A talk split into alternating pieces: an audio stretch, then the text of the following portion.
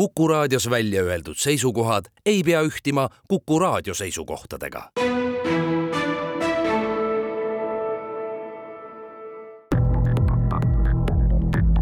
krimiraadio, Krimiraadio tere taas, eetris on Krimiraadio. ka sel korral juhivad saadet ajakirjanikud Raul Ranne ja Karel Reisenbuk ning eksperdina on meil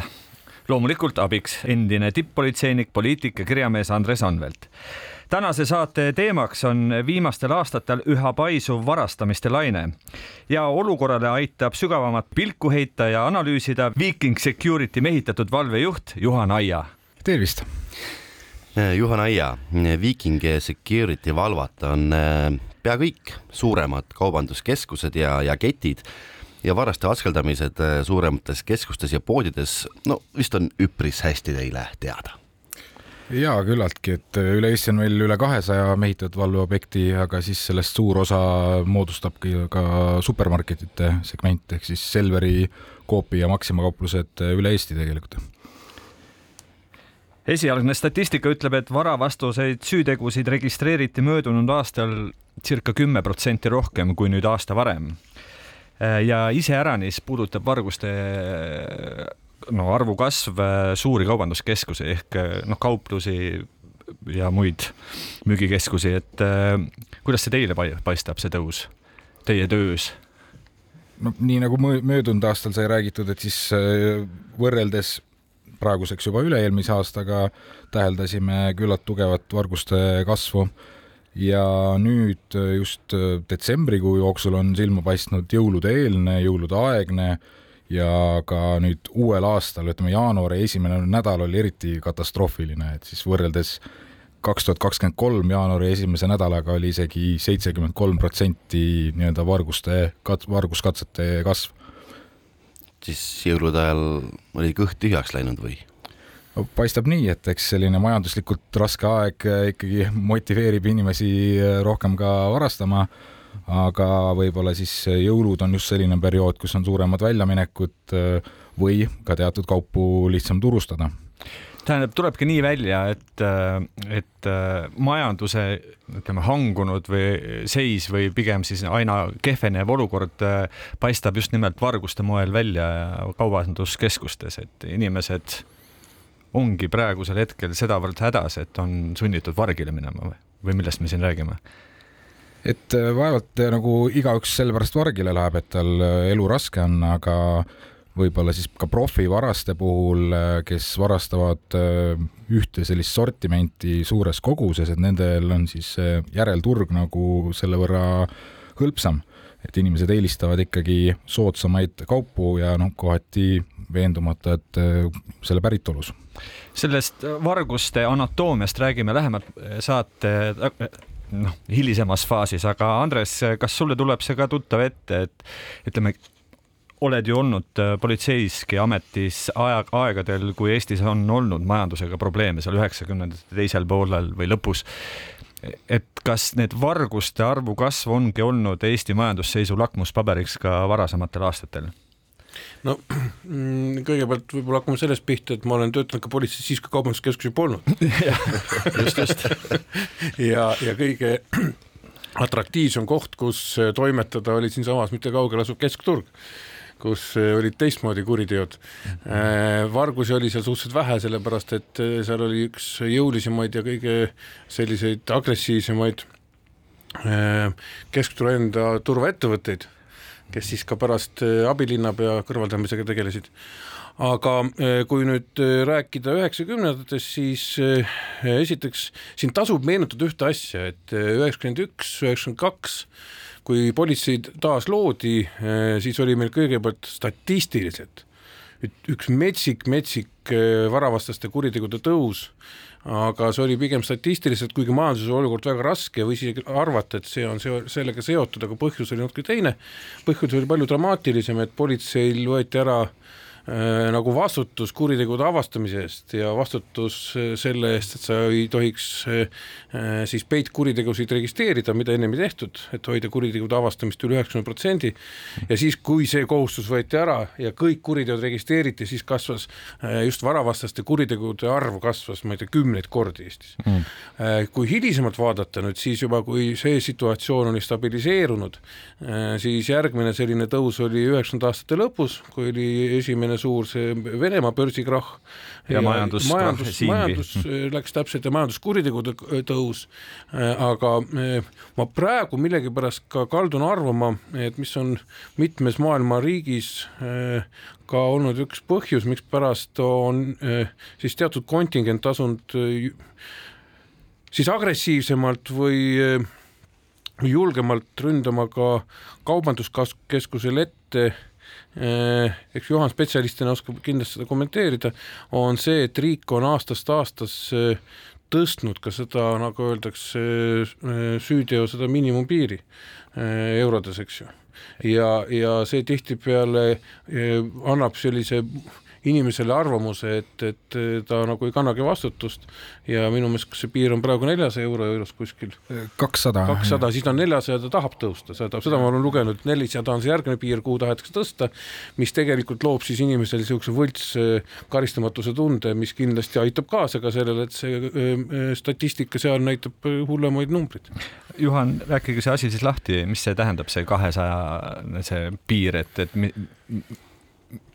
mida me siin siis nägema peaksime või mis, mis, millest see eh, tunne tuleb siis ütleme vargal, et, et ütleme alla selle eh, noh, summa varastamine ei olegi justkui kuritegu ja seetõttu siis minnakse kergemalt midagi võtma või poest näiteks?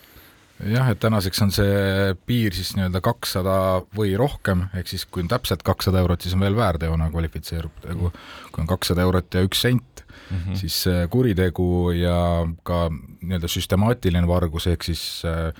juba kolmas kord aasta jooksul, siis kvalifitseerub ka kuriteona. no mina oma tööst veel mäletan seda, kui see piir oli kuuskümmend neli eurot, et siis see vahepeal toimuski see järsk tõus, et kuuekümne nelja pealt kohe kahesaja peale. ja siis sellel hetkel me tajusime samamoodi, et mingisugune jõnks selles nii-öelda varguste statistikas tuli sisse.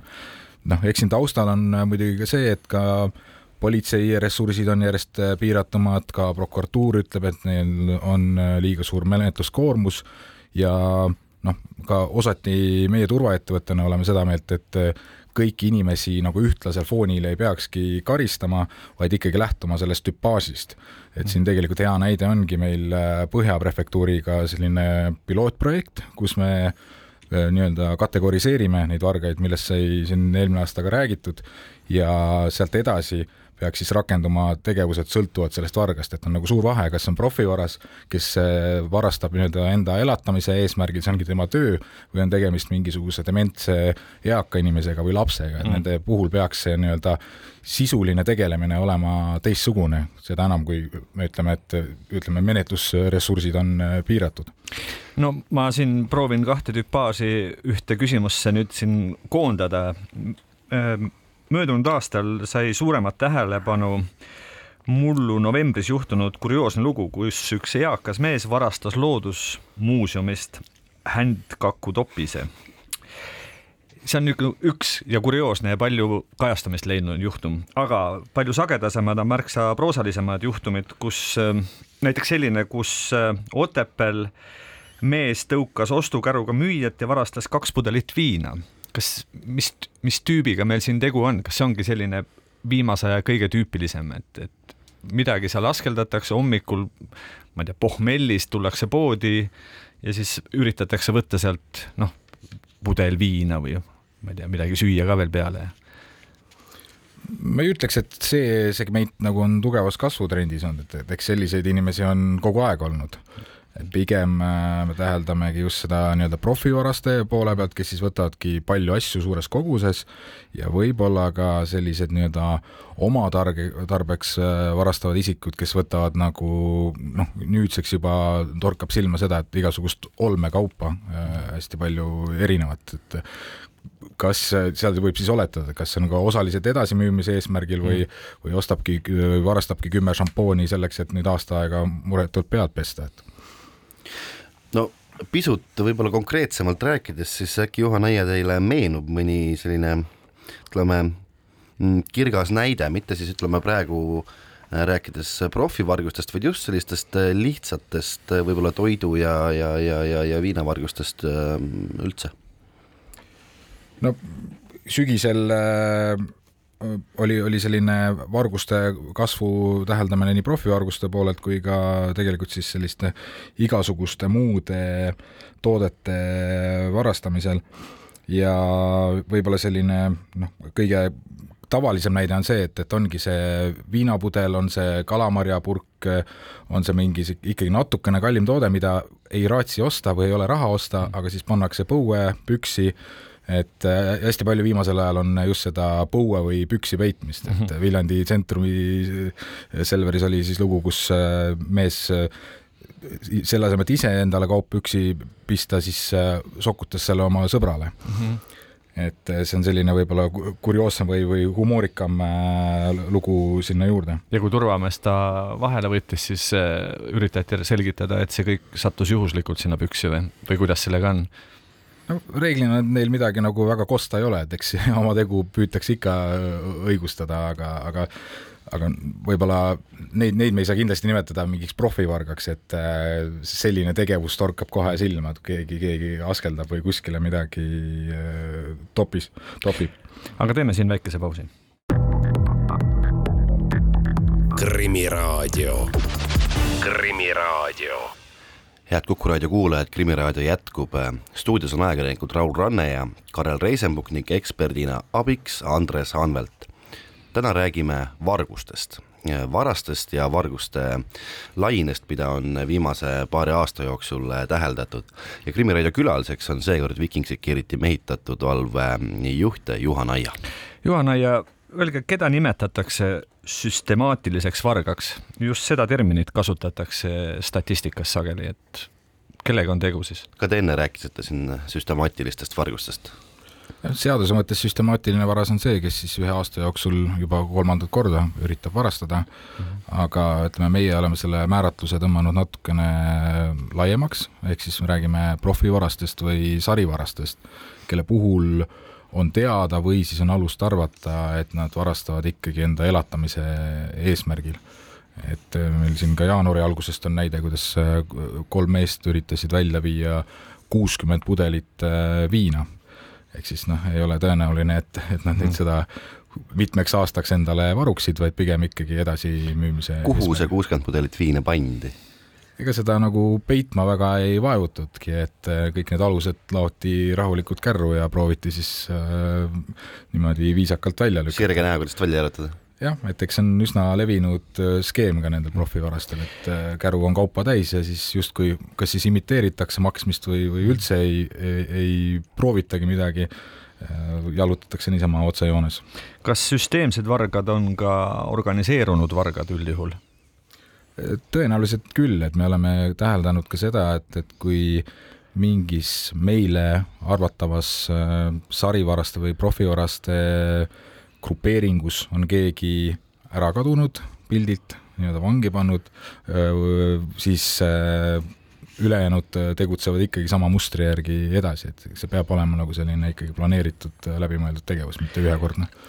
Andres, organiseerunud vargad on ju nii-öelda auväärne seltskond nõukaaja kriminaalses subkultuuris ja sulle ilmselt ka tuttav seltskond. ja kindlasti juba üksi eh, sellesama nõukogudeaegse või siis ka Vene subkultuuri nagu öeldakse, kõrgem positsioon oli ju seaduslik varas ehk vorvzakonia, mis näitab seda, et tegemist on vargaga ja põhimõtteliselt siis sellist professionaalset varast eh, siis nii-öelda igapäeva äh, pühapäevavargast eristab see, et tal on oma äh, vähemalt oli kunagi, kindlasti praegu on ka olemas mingisugused reeglid, äh, mingisugused traditsioonid, äh, põhiliselt need traditsioonid puudutavad, eks ju, koostööd igasuguste võimuorganitega, see on selleks, et kindlustada, et nad üksteist üles ei annaks, aga nende organiseeritus ma arvan, on ka tänapäeval olemas, ma olen kindel, et see on olemas, nii nagu see oli üheksakümnendad, nii nagu see oli sajandi alguses,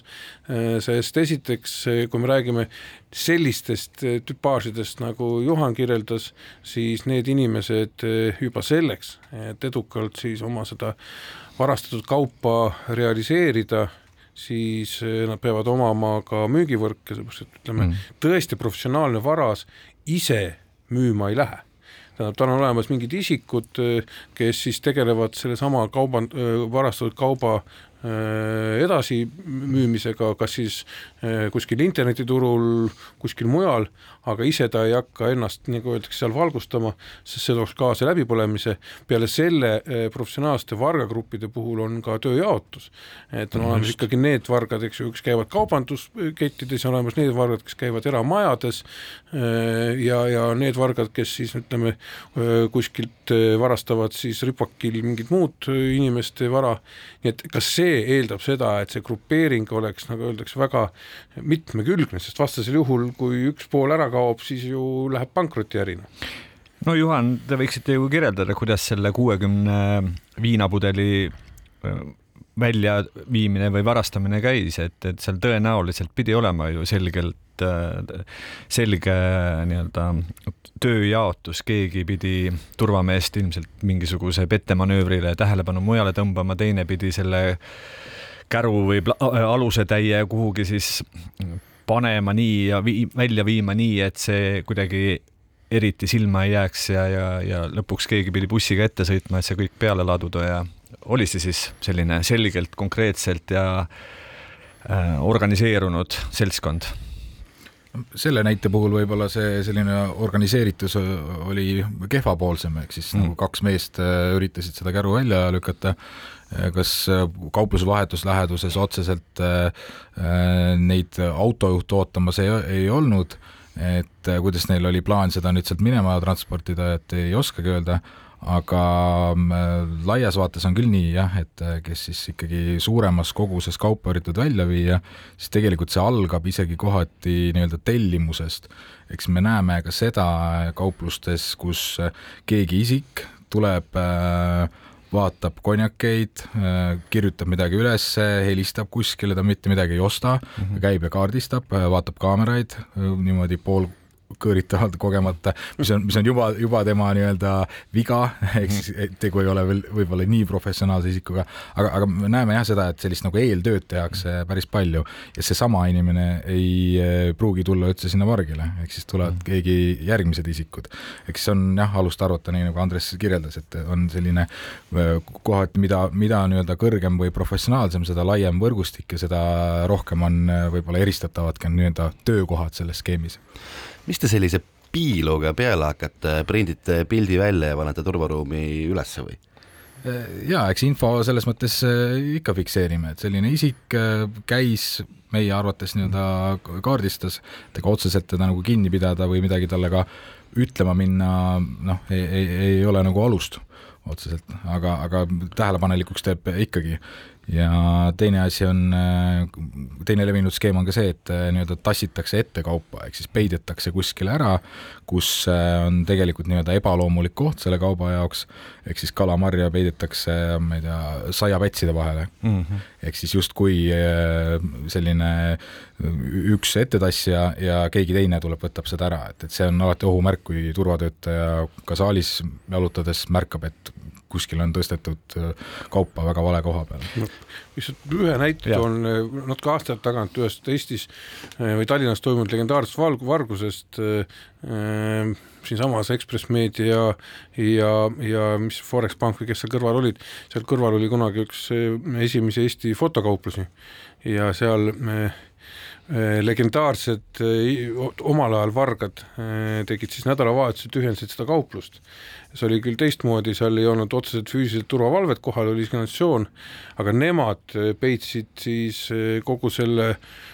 keldride ja vara näiteks selles samas kohe kõrval asuvas maja prügišahti Mm -hmm. ja kui meie seal toimetasime, siis nemad ootasid lihtsalt, kuni me ära toimetame, siis läks prügišahti tühjendama, nii et siin mitte ammu, paar saadet tagasi käis meil äh, külas äh, Põhja prefektuurist Urmet Tambre, kes rääkis, kuidas enesekindla näoga džentelmenid tulevad kaubanduskeskusest, noh, robot tolmuimeja õlal ja noh, hiljem selgub, et see on siiski varastatud tolmuimeja ja, ja, ja et sedasorti nahaalsust olete ka märganud ja, ja see, eks see nahaalsus võib-olla viibki ka selle varga kohati võidule, et, et kui sa hakkad nagu väga skeemitama, väga seal ringi vahtima mm, -hmm eeltööd tegemas äh, käima, et, et siis see hakkab isegi rohkem silma, et kui keegi nagu väga õige näoga, mingisugune tšeki moodi paber on ka veel näpus ja mhm. jalutab välja, et, et siis see kohe-kohe ei, ei pruugi üldse mingit tähelepanu tõmmata, et seda tõesti kasutavad äh, ka vargad, just sellist äh, nahaalset tuima, tuimi võtteid nagu. saan ma õigesti aru, et te ikkagi lähenete nendele varastele selles mõttes süstemaatiliselt, et noh, päris äh, ütleme, üksinda vorstivarguse peale te võib-olla esimest korda äh, venda veel maha ei võtagi. et äh, te võib-olla ootate natukene, siis kui tuleb uuesti, panete selle nii-öelda komplekti kokku ja siis, tegelete selle vennaga edasi eks see sõltub, kas äh, on alust arvata, et seal on mingisugune suurem äh, skeem all või mitte, et, et kui meil pigem tundub, et, et see on nagu ühekordne episood ja see ei ole osa mingisugusest suuremast äh, profivargusest, et eks siis ikkagi see vargus tõkestatakse kohe seal kohapeal. noh, nüüd on ainult küsimus see, et, et kas see isik anda politseile üle või mitte ja noh, seesama PPA Põhja prefektuuri pilootprojekt ongi niisugune hea näide, et kus tulebki tegelikult nagu see segmendi või tüpaaži põhiselt äh, läheneda, et mingil juhul piisab sellest, et selle isiku andmed äh, fikseerida, mingil juhul pii-, on vaja seda, et tegelikult üldse võib-olla kohalik omavalitsus tegeleks selle isikuga edasi, et kuna tal on toimetulekuraskused ja mingist piirist ikkagi on näha, et see on süsteemne, kas siis oma tarbeks või koguni selline organiseeritud äh, tegevus, et siis tuleb ikka politseile üle anda need isikud, et, et reeglina me ikkagi sekkume nagu kohe. Andres, sa tahtsid lisada? jaa, võib-olla, et natukene äh, seda realismi tuua veel siis süstemaatilisse organiseeritud vargusesse, siis tasub alati ka üheksakümnendat meelde tuletada kahe tuhande alguseid kui meil oli väga palju, nagu öeldakse, turvafirmade pereheitmisi. Siis äh, ikkagi oli aina üha palju, ütleme niimoodi ausalt, et oli üsna palju äh, selliseid juhtumeid, kus siis ikkagi turva, turvameeskond või turvamees äh, oli ka ise asjaga seotud eriti kui vargused toimusid näiteks peale kaubanduskeskuse kinnipanekut, kus siis äh, tellimuse peale sama turvamees pani, nagu öeldakse, siis selle kaubakorvi kokku, eks ju, äh, kasutati ära ka selliseid meetodeid mm, -hmm. sellepärast et nende inimeste siis taust oli üsna kirju, kindlasti kontrolliti palju vähem, sinna sattus igasuguseid huvitavaid seltskondi,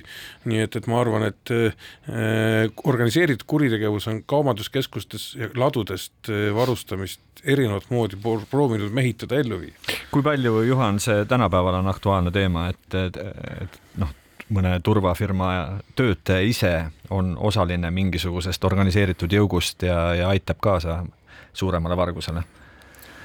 seda on juhtunud õnneks küll väga harva, aga noh, Viking Security'l on ka väga tugev selline sisekontrolli mehhanism, et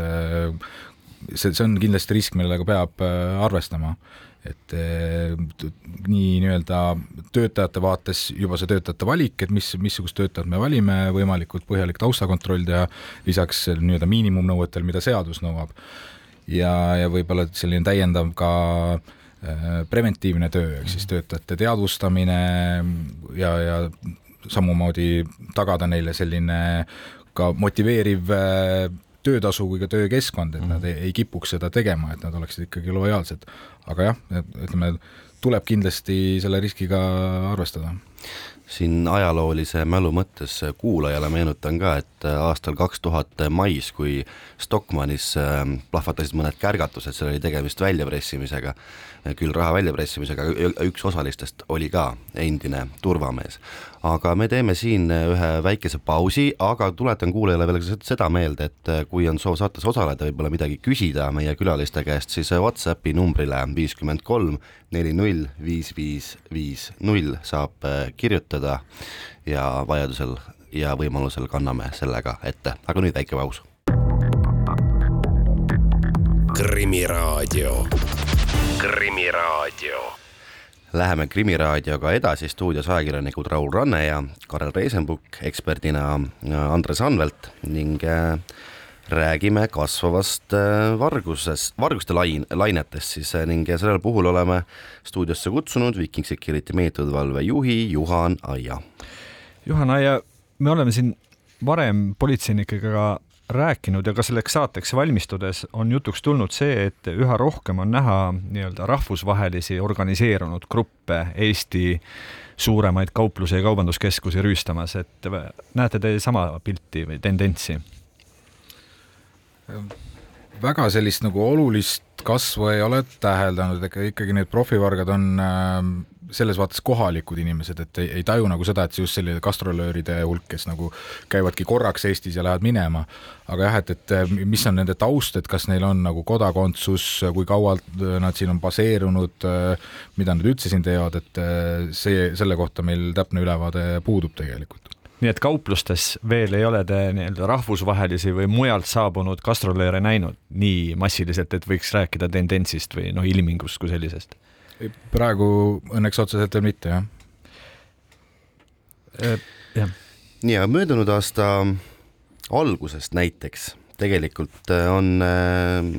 uudis sellest, kuidas Tartu näiteks mobiiltelefonipoest varastati väga osavalt ja teadlikult kõige kallimaid telefone. kui sageli selliseid ikkagi hinnalise kodutehnika vargusi tänapäeval toimub? tundub kuidagi suhteliselt isegi nagu võimatu ja mõttetu missioon või seda on? ikka on, et tegelikult ka praegu ikka jahitakse põhimõtteliselt kõike, sülearvutitest ehitustööriistadeni, et äh, nii kas siis kauplusest, äh, kaubanduskeskusest või, või ka siis äh, kaupluse ajal, mil kauplus on suletud, siis püütakse sinna sisse murda või, ja ka samamoodi ladudesse sissemurdmisi oleme täheldanud, et üldse tervikuna ütleme sissemurdmiste arvude, katsete arv on ka kindlasti äh, tõusutrendis meie andmetel meil enne oli ka pisut juttu sellest, et äh, sellise organiseerunud varaste sellise ahelasse kuulub ka seltskond, keda kutsutakse või keda teatakse kui varastatud kraami kokkuostjateks, ähm, kellel on selles varaste maailmas või subkultuuris täitsa omaette staatus. võid sa, Andres, pisut äh, seda seltskonda nagu tutvustada. ma mäletan, et kuskil kümmekond aastat tagasi politsei üsna, või oli see juba viisteist aastat tagasi, politseiga rääkis, et noh, kogu selle varguste laine või varguste uurimise puhul just nimelt need kokkuostjad võeti kõigepealt ette, et sealtpidi siis ahelat pidi tagasi minna ja see on täitsa arusaadav, sellepärast et peale ütleme, kui võtame kauba, siis ta on avalikult väljas kaupluses ta varastatakse ära, järgmine ahela osa, kus ta ilmub jälle kuskil välja, on siis selle edasimüüja käest, eks ju. kas kokkuostja või edasimüüja, kuidas me nimetame, oleneb, kuidas keegi on oma töö üles ehitanud, kas ta ostab selle kohe välja või siis kokkuleppel täitsa niimoodi väga seotud isiku, isikuna selle grupeeringuga siis müüb edasi, ei võta endale siis selle kokkuosturiske see on läbi aja muutunud, kunagi oli eh, nagu heas eh, sellises eh, ajalooraamatus oli selleks taksojuht, eks ju, kes mm, -hmm. kes tegeles siis selle varastatu edasimüümisega, sest ta teadis, teadis kontingenti, kellele müüa Äh, sellepärast see kontingent kasutas harilikult ühte ja samasid taksojuhte, see oli seotud, eks ju, erinevate lõbumajadega, äh, turismiobjektidega ja nii edasi. Mm. tänapäeval on seoses, ütleme selle äh, Bolti ja Uberi ja nende teenustega on see turg natukene muutunud, nii nagu üldse meil on, ütleme nüüd piraattaksosid palju vähemaks jäänud ja see väljund on kadunud, samas on juurde tulnud teised väljundid, eks ju, äh, mõned kallimad ja võib-olla spetsiifilisemad asju, mis on tuvastatavad numbri järgi, äh, neid müüakse üle siis selle nii-öeldakse musta neti, eks ju, darkneti äh, ja aga ma arvan, et väga suur osa kaubast liigub kõige harilikumaid müügi siis ringisid mööda, kas või sealsamas ostades ja nii edasi, aga noh, seal on ikkagi riskid olemas, et, et kui sa müüd sellist suhteliselt tuvastamata kaupa, millel ei ole mingit numbrilist, noh, telekana või telefoni sa võid leida seda, nii et ma arvan, et eh, see seltskond on ikkagi suuresti professionaalne, sest väga harva see on väga ebaprofessionaalne varas, kes varastab ja siis läheb, paneb õhtusel endale müügikuulutuse üles, et ma müün mingi sellist asja, ta seob ennast kohe selle vargusega mm. -hmm. Juhan, Juhan, tahtsite lisada? Jah, tahtsin tuua võib-olla sellise natukene humoorikama näite, et Andres rääkis ja võib-olla sellise nagu natukene kõrgema taseme organiseeritusest. Ja nii nagu eelnevalt sai mainitud ka, et see vend, kes läheb ise oma varastatud kaupa müü-, müüma, et noh, ta ei ole oma tegevust väga hästi läbi mõelnud, aga ka ise eelmisel äh, suvel, suve lõpupoole sattusin vabal ajal peale sellele, kuidas siis kaks sellist noh, sõltlase välimusega profiiliga isikut äh, täiesti kilekottidest üritasid siis äh, varastatud, tõenäoliselt varastatud kaupa müüa. Ja üks peamine müügiartikkel oli siis äh, Saaremaa või, mida tal oli kolmkümmend pakki selles kilekotis et, et siis mõtled, et kas tõesti nagu lihtsamini turustatavat kaupa ei oleks varastada. suvel. kes see suvel sul nagu ostab või, noh, suve õhtu muidugi, aga et noh, et on müüd konjakit, et, et see veel kuidagi läheb kaubaks, aga reaalselt inimene oli nii meeleheitel, et oli varastanud kotitäie võid ja proovis seda siis. no kes peab getodieeti, sellele läheb see võid no mul endal on olnud äh, bussis äh, kokkupuude inimesega, no ka selgelt sellise sõltlase, et mitte öelda no sopajoodiku välimusega mehega, kes müüs mulle bussis ka samamoodi kilekotis siis üsna hinnalist lõhnaõli. noh, ka selline huvitav pakkumine oli. muide, Juhan, te rääkisite, et vabal ajal sattusite peale. kuidas sellega on, kui te jalutate poes ringi, teete oma igapäevaseid äh, oste poes, äh, toidu, toidukraami äh, oste, siis äh, kas ikkagi pea käib kogu aeg kolmsada kuuskümmend kraadi ja, ja näete siit-sealt, kus, kus jälle midagi, kus on mingisugune oht või kuidas selle, kuidas sellega on? eks see niisugune kutsehaigus on, et seda kindlasti oskab Andres ka öelda, et, et kuidas tema, et kuhu istuda, kuhu astuda, kuhu vaadata, et, et see varguste vaates on jah, mul tõesti samamoodi, et vabal ajal kauplusesse minnes juba mingid tüübid hakkavad silma ja tegelikult enda nagu praktikas seda, kus ma olen vabal ajal läinud poodi enda sisseoste tegema, aga olen pidanud hoopis turvatöötajal aitama isikuid kinni pidada või, või mingid vihjeid andnud, et neid on ikka mitmeid-kümneid kordi. Seda on ka mulle tulnud muideks, ma olen, ma arvan, et ma ei tea, aastas korra või kaks juhtub see, et ma lähen otsin turvatöötajat ja aitan tal eh, kellelgi, nagu öeldakse, silma peal hoida ja siis ütleme niimoodi, et kui viimane kord oli see niimoodi, et kurjategijal oli siis oma kaasosaline, kes siis jälgis turvameest. Ja siis selleks, et turvamehel oleks lihtsam kinni võtta nüüd see põhivaras, mina jälle läksin, ajasin ütleme niimoodi sinna hädasse siis selle jälgija no aga kuidas öelda, eeskuju vääriv äh, või järgimist vääriv eeskuju, et, et ütleme, me kõik võiksime märgata ja siis turvamehele vähemalt märku anda sellest, kui midagi kahtlast silma jääb, eks ja, ja tegelikult siin äh, tunnustakski ka neid inimesi, keda me nüüd äh, oleme eelmise aasta jooksul oli tegelikult päris palju intsidente, kus ka täiesti kõrvalised inimesed sekkusid öö, võib-olla mitte nii väga just selle vihje andmisel, aga kui nägid, et turvatöötajal läks selle vargaga madinaks, et siis äh, ikkagi sellised täisjõus mehed tulid appi ja aitasid äh, raudu panna.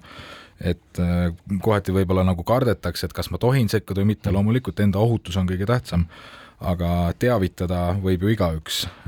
ja noh, kui, kui minna nüüd süvitsi, et siis ka kuriteos kahtlustatavat võib kinni pidada igaüks kas ma eksin, kui ütlen, et äh, viimastel aastatel selle suure varguste laine nii-öelda kiiluvees on ka rünnakud turvatöötajate vastu, nende arv kasvanud, et neid on rohkem? Jah, on küll, et äh, just selline vägivaldsete varguskatsete arv äh, on jätkuvalt tõusutrendis ja just nimelt mitte nagu eraldi äh, rünne mingis muus konfliktsituatsioonis, vaid just selle selline varguskatsel meeleheitlik äh, põgenemine, et selle käigus siis äh, üritatakse ka turvatöötajat rünnata, hirmutada, et ise minema pääseda. see on üks oluline asi, mida tuleb alati arvestada ja ma tean turvatöötajaid, nii palju kui mina tean oma sõprusringkonnas äh, turvafirmadega koolitajaid, juhtivtöötajaid, siis kindlasti üks asi, millega tuleb arvestada, on kui me räägime sõltlastest, kes varastavad kaupluses ja kinnipidamisel, siis väga ohtlikud on igasugused süstlad ja muud asjad, mis taskus on, millega võidakse inimest eluks ajaks invaliidiks teha. Mm.. no lähme konkreetsemaks, toome mõned näited, näiteks siis Tartus Nõlvaku tänava kauplusest väljus üks mees, kes oli poest varastanud eh, ligi viiesaja euro väärtuses ehm, kaupa, meest püüdis takistada kaupluse turvatöötaja, varas ründas teda eh, vastu kaupluse ees eh, parklas, kui sageli näiteks midagi sellist juhtub? Küllaltki sagedasti just sellises nii-öelda meile oletatavalt profivarguste segmendis. Ehk siis äh, need, kes on planeerinud, neil on vaja töö lõpuni viia, siis nad on äh, ka tõenäolisemad seda turvatöötajat äh, ründama, et see, kes varastab oma tarbeks või, või ka emotsiooni ajal ühekordselt, et see pigem nendib seda, et jäi vahele ja kas siis proovib uuesti või ei proovi, aga profivaraste puhul on just selline jah, meeleheitlikkus või, või sihikindlus, et hmm. iga hinna eest minema pääseda see, neid äh, lugusid tõesti saateks valmistudes jäi päris palju silma ja pole ka ime, et siis äh, sinna vahele või, või kogu see nende nii-öelda ründ-, turvatöötajate ründamisuudiste peale nägi, jäi silma ja põhjustas tegelikult siin möödunud aasta lõpupoole ka päris palju sellist meediakajastust, juhtum, kui äh, Tallinnas Kolde Selveri turvamees siis noh, nii-öelda tõukas või lükkas poest välja joobes mehe ning mõni samm eemal, siis pealtnägijate silma all ka peksis toda meest. Mis sealt edasi sai, mis juhtum see selline on, et kas see oli nüüd juhtum, kus tõesti turvatöötajal närvid ütlesid üles ja ta noh, ei, ei näinud muud võimalust, kui siis see varas või korrarikkuja siis no nii jõhkralt siis korrale kutsuda või, või see oli ju teie firma turvamees, sellepärast ka saab teilt ja, küsida. oli tõepoolest, et see oli igati kahetsusväärne juhtum ja noh, meile paistiski tõesti see, et, et kuna see konkreetne isik ta oli selline nii-öelda eluheidik, ta käis seal joobes peaga, lällas, proovis varastada, ütles ka turvatöötajale halvasti ja tegi seda nii-öelda süsteemselt, siis äh, ühel hetkel tõesti turvatöötajal nagu närvid ütlesid ülesse, aga noh, samas see ei ole mingisugune vabandus või õigustus, et äh, turvatöötaja, kes on ühiskonnas ikkagi selline turvatunde looja, peab äh, jääma paraku lõpuni professionaalseks, mõnikord on see väga raske, aga, aga iga töö on mingil moel keeruline. Mis volitused üldse turvatöötajal on sellises olukorras, kui noh, teda rünnatakse, teda solvatakse, teda üritatakse seal kuidagi mõnitada, võib-olla seal sülitada, noh, ühesõnaga tuhat võimalust äh, viga teha, et mis volitused on turvatöötajal seal üldse vastata või mida ta võib teha sellises olukorras? eks selline solvamise olukord ongi natukene keerulisem, aga samas äh, isegi kui isikut politseile üle ei anta, siis äh, selliste väiksemate, vähem ohtlike rikkumiste puhul äh, võib turvatöötaja isiku objektilt äh, eemaldada, ehk siis nii-öelda välja saata. kui me räägime konkreetselt ähvardamisest või ründamisest, siis on juba olemas kuriteokoosseis, et siis tegelikult oleks mõistlik see isik kinni pidada ja politseile üle anda ja ka avaldus koostada selle kohta. teeme siin ühe väikese pausi, oleme peagi tagasi Krimiraadio. Krimiraadio. krimiraadio jätkub, stuudios on ajakirjanikud Raul Ranne ja Karel Reisenbuk, eksperdina on meil abiks jätkuvalt Andres Anvelt ning saatekülaliseks on turvaettevõtte Viiking Security mehitatud valvejuht Juhan Aia. Ja räägime täna vargustest, kaubanduskeskustest ja mujalgi. No ei paista ikka sugugi, et äh, elu siin kuidagi paraneks selles vallas, et äh, küllap ei vähene ka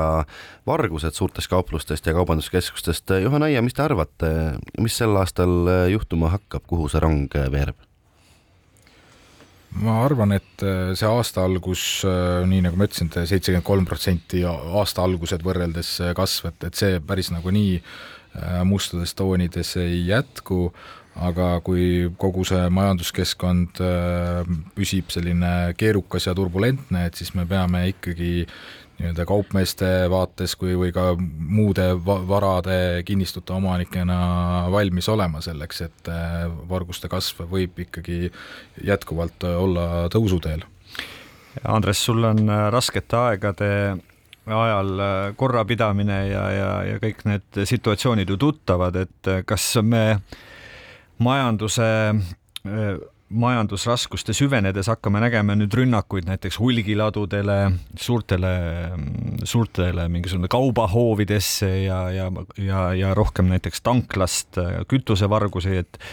mis need siin tulemas on, kuidas sulle tundub, et, et noh, ütleme, et kas me näeme seda, et vargad lähevad veelgi nahaalsemad ja üritavad veelgi suuremat noosi võtta sealt, kus seni võib-olla seni on eemale hoitud? No ma kindlasti usun sellesse, et äh, majanduskeskkond halvendab äh, inimeste toimetulekuvõimet, eriti need, kes ei ole võib-olla sotsiaalselt kõige küpsemad tähendab seda kindlasti, et meil suureneb oht, retsidiivne oht varastel, kes tulevad vanglatest välja mm. -hmm. seda me ei saa kuhugi äh, nagu ära peita, seda äh, ohtu ja need numbrid ei ole kõige väiksemad äh,, aga ma ikkagi äh, nagu öeldakse, põhirõhu paneks ikkagi sellele, et äh, ka vargad ja, ja kelmid proovivad seda kõike teha rohkem virtuaalmaailmas, kindlasti me ei kao mitte kuhugi füüsiline vargus, aga kõik muu, et varastada sarnased kaubanduskeskusega, varastada inimeste vahelt nagu e-poodides, eks ju mm, -hmm. see risk on kindlasti suurema trendi peal väljas. mis puudutab ladusid ja sellist üheksakümnenda aastate nagu öeldakse, kauboikapitalismi, kus äh, ühel öösel rööviti Tallinnas mitu suurt ladu ja, ja näiteks äh, ühe suure laorööv lõppes näiteks siis äh, äh maa äh, ristis, eks ju, politseinike tulistamisega, mis tulid ju otse röövimise pealt, nad tulid ju äh, veoauto täis salaalkoholi, mis läks ladustamiskohta. ma tahaks uskuda, et seda ei juhtu, aga siin on üks olukord, mida äh, me peame kindlasti arvestama ja see, mis on meil risk, see, millest me oleme siiamaani natukene äh, ütleme väga hästi, mitte natukene, aga väga hästi pääsenud, aga see oht on ikkagi olemas, on see, et meie ümber on ikkagi turbulentne maailm, see tähendab seda, et Eesti võib ühte või teistpidi äh, saada ikkagi mingisuguste selliste võib-olla etniliste või siis ka mingite selliste teiste gruppide sihtmaaks ja see tähendab seda, kui tekib mingisugune getostumine, nii nagu meil siin Rootsis on kõrval, siis neid inimesi me ei suuda nii lihtsalt kontrollida, nagu me oleme seniste varastega hakkama saanud ja, ja see mõte, need ohud on veel eraldi kõik ja me peame arvestama, meie ümber siin käib lähedal, käib sõda äh,, inimesed liiguvad, inimesed, kes on aastuses, nii et, et neid riske tuleb julgelt näkku vaadata, ei ole midagi teha. et sa kardad või tajud, et on oht, et hakkame siiski nägema siin rohkem rahvusvahelisi noh, varga või kuritegelikke jõuke?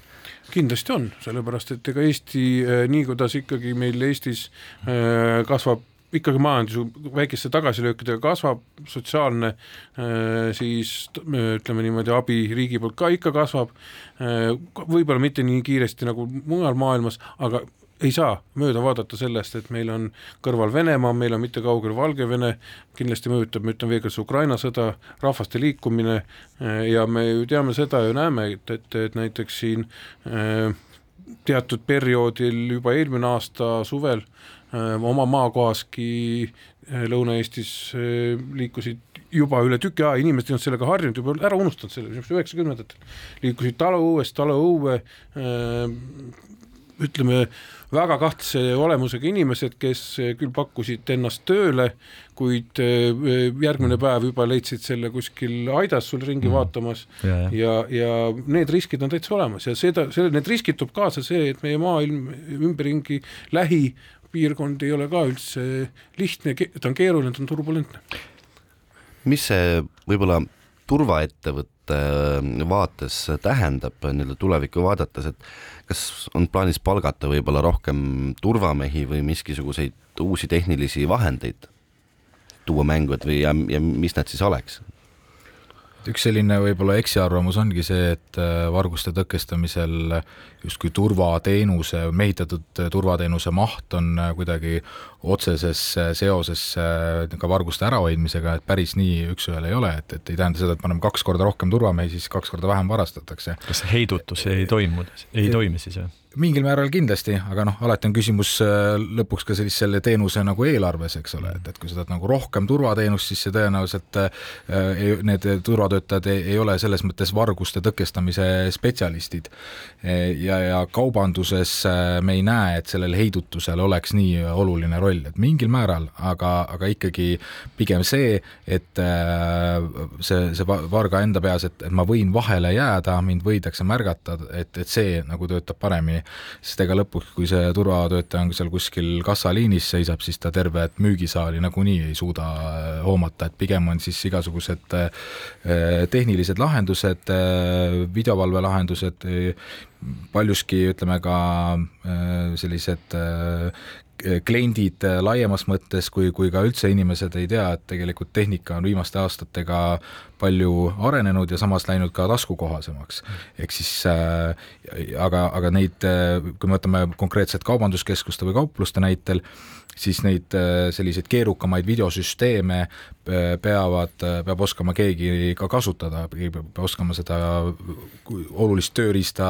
efektiivselt käsitleda. Ja seal ongi see pigem see trend, et see turvatöötaja ei ole enam selline lihttööline, lihtsalt mees, kes kuskil seisab, vaid ta on juba konkreetselt spetsialist, kui me võtame nüüd kaubanduse võtmes aga te võiksite mõnda peenemat äh, ütleme, tehnilist seadeldist ju kirjeldada, kas on, on juba nii, et nagu Hiinas tulevad hirmujutud, räägivad, et näotuvastussüsteem, et ikka kui ebameeldiv murda ikkagi kaamerasse tuleb, siis ta ka, siis ta ka ära tuvastatakse, noh, ütleme siis kaubanduskeskuse turvakaamera tunneb ära kõik need vargad, kes on korra juba politseist läbi ja kohtust läbi käinud täna on äh, see, et, et äh, nii konkreetselt äh, biomeetrilisi andmeid, ütleme siis näokujutist kasutada selleks, et inimesi omavahel võrrelda mm. ja vargusi tõkestada, et seda andmekaitse nõuetest tulenevalt ei tohi. et alati ongi see tasakaalu küsimus, et ühelt poolt nagu andmekaitse nõuded, teiselt poolt siis see sisuline eesmärk aga pigem selle töö teevadki ära ikkagi videooperaatorid, spetsialistid mm., kellel on ülevaade nendest sarivarastest mm., profivarastest, näod tuttavad või siis ka see maneer juba selline, kuidas ta sinna poodi siseneb, kuidas ta seal käitub, et nii hästi, kui ka see profivaras ei püüaks äh, käituda nagu loomulikult mm., siis mingi üks väike nüanss reedab. ebaloomulikult loomulik, jah? jah, ka näiteks seda, eks ole, aga mingid, mingid väiksed nüansid ikkagi reedavad, aga selleks see inimene, kes seal kaamerate taga on, peab olema, nagu ma ütlesin, spetsialist, et ta oskab äh, näidata, äh, oskab märgata ja paljuski see videovalveoperaatori töö on ka selline intuitiivne, et, et seal on väga raske nagu võtta lihtsalt äh, inimest tänavalt ja me õpetame sulle selle töö selgeks, et see ikkagi kujunevad välja need sellised pärlid, kel, kelle tuleb see, lihtsalt tuleb paremini välja, neil on selline intuitsioon ja, ja parem silm lõpetuseks aega saate lõpuni enam väga ei ole. Äh, et näitlikustada seda, seda olukorda, kui ma läheksin praegu ühte suurde äh, toidupoodi, mm, kas ma võin kindel olla, et vähemasti üks varas äh, praegu seal ringi jalutab? noh, selles mõttes, kui vaadata kogu kadude protsenti Äh, siis äh, ma arvan, et see on üsna tõenäoline, et sul üks varas on, kas ta just konkreetsel momendil äh, varastab või mitte, aga tõenäosus on küllaltki suur. aga sellega on tänane Krimiraadio lõppenud, olge siis hoiatatud, rasked ajad on tulekul, hoidke oma varal silm peal. täname saatekülalist, turvaettevõtte Viking Security meetodvalve juhti Juhan Aiat, täname ka kõiki kuulajaid Teiega olid saatejuht Raul Ranne ning Karel Reisenbuk ning ekspert äh, Andres Anvelt. järgmine Krimiraadio on eetris järgmisel teisipäeval. krimiraadio, Krimiraadio